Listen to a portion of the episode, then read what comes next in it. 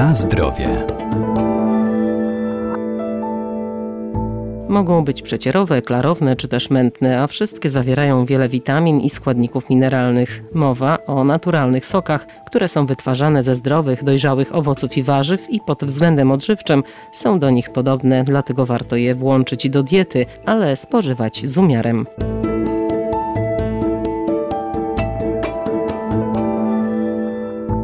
Soki owocowo-warzywne mają korzystne działanie na nasz organizm dzięki zawartości cennych składników pokarmowych, m.in. witamin, minerałów, błonnika czy fitozwiązków. Mogą być niepasteryzowane lub też poddane obróbce termicznej. Uwzględniając wygląd i konsystencję, dzielimy soki na soki przecierowe, otrzymane przez przetarcie warzyw i owoców, soki klarowne, pozbawione części nierozpuszczalnych oraz zmętnień na drodze enzymatycznej i zastosowaniem filtrów i wirówek. Doktor habilitowany Radosław Kowalski, profesor uczelni Wydział Nauk o Żywności i Biotechnologii Uniwersytetu Przyrodniczego w Lublinie. Soki mętne z pominięciem procesu klarowania i filtracji są bogate w pektyny, białka i polifenole.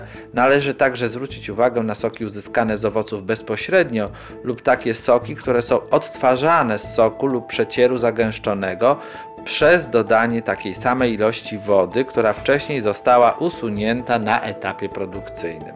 Pod względem obróbki termicznej wyróżniamy soki niepasteryzowane, soki pasteryzowane w niskiej temperaturze oraz pasteryzowane w temperaturze bliskiej 100 stopni Celsjusza. Pod względem wartości odżywczej soki są podobne do owoców i warzyw, z których zostały otrzymane. Zawierają prawie taką samą ilość cukrów, co użyte do ich produkcji warzywa czy owoce. Średnio cukry stanowią około 10% soku owocowego, a wartość energetyczna wynosi około 40 kilokalorii na 100 ml. Natomiast soki warzywne są dwukrotnie mniej kaloryczne, zawierają istotnie mniej cukrów. Jednakże, mając na uwadze potrzeby energetyczne dzieci, wypijanie soku w dużych ilościach może przyczyniać się do rozwoju nadwagi i otyłości. Szczególnie ma to znaczenie w przypadku dosładzanych soków lub nektarów owocowych czy napojów, do których można dodawać także inne składniki. Na zdrowie. Soki nie powinny jednak zastępować spożywania świeżych owoców czy warzyw, bowiem trawienie rozpoczyna się już w jamie ustnej. Zalecana dzienna porcja soku to szklanka dziennie. Ogromna większość soków cechuje się średnim indeksem glikemicznym. Przyjmuje się, że 200 ml soku stanowi jedną zalecaną porcję w ramach kampanii, którą określamy mianem 5 porcji warzyw, owoców lub soku. Oczywiście musimy mieć na uwadze naturalne porcje tych prozdrowotnych produktów i nie możemy ich w pełni zastępować. Bardzo istotna jest również forma dostarczonego produktu.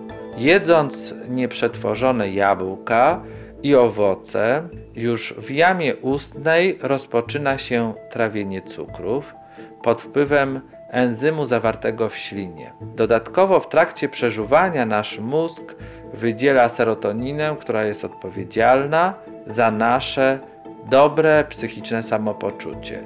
Pijąc sok, eliminujemy ten ważny etap. Niektóre z badań wskazywały, że picie soków przyczynia się do rozwoju próchnicy. Jednakże należy tutaj rozróżnić, czy obiektem w badaniach były stuprocentowe soki, czy produkty na bazie soków często dosładzane. Obecnie już nie uwypukla się tak bardzo problemu próchnicy zębów w korelacji z piciem soków. Soki, poza składnikami odżywczymi, takimi jak witaminy i sole mineralne, zawierają też znaczne ilości związków fenolowych, a soki mętne także znaczące ilości błonnika.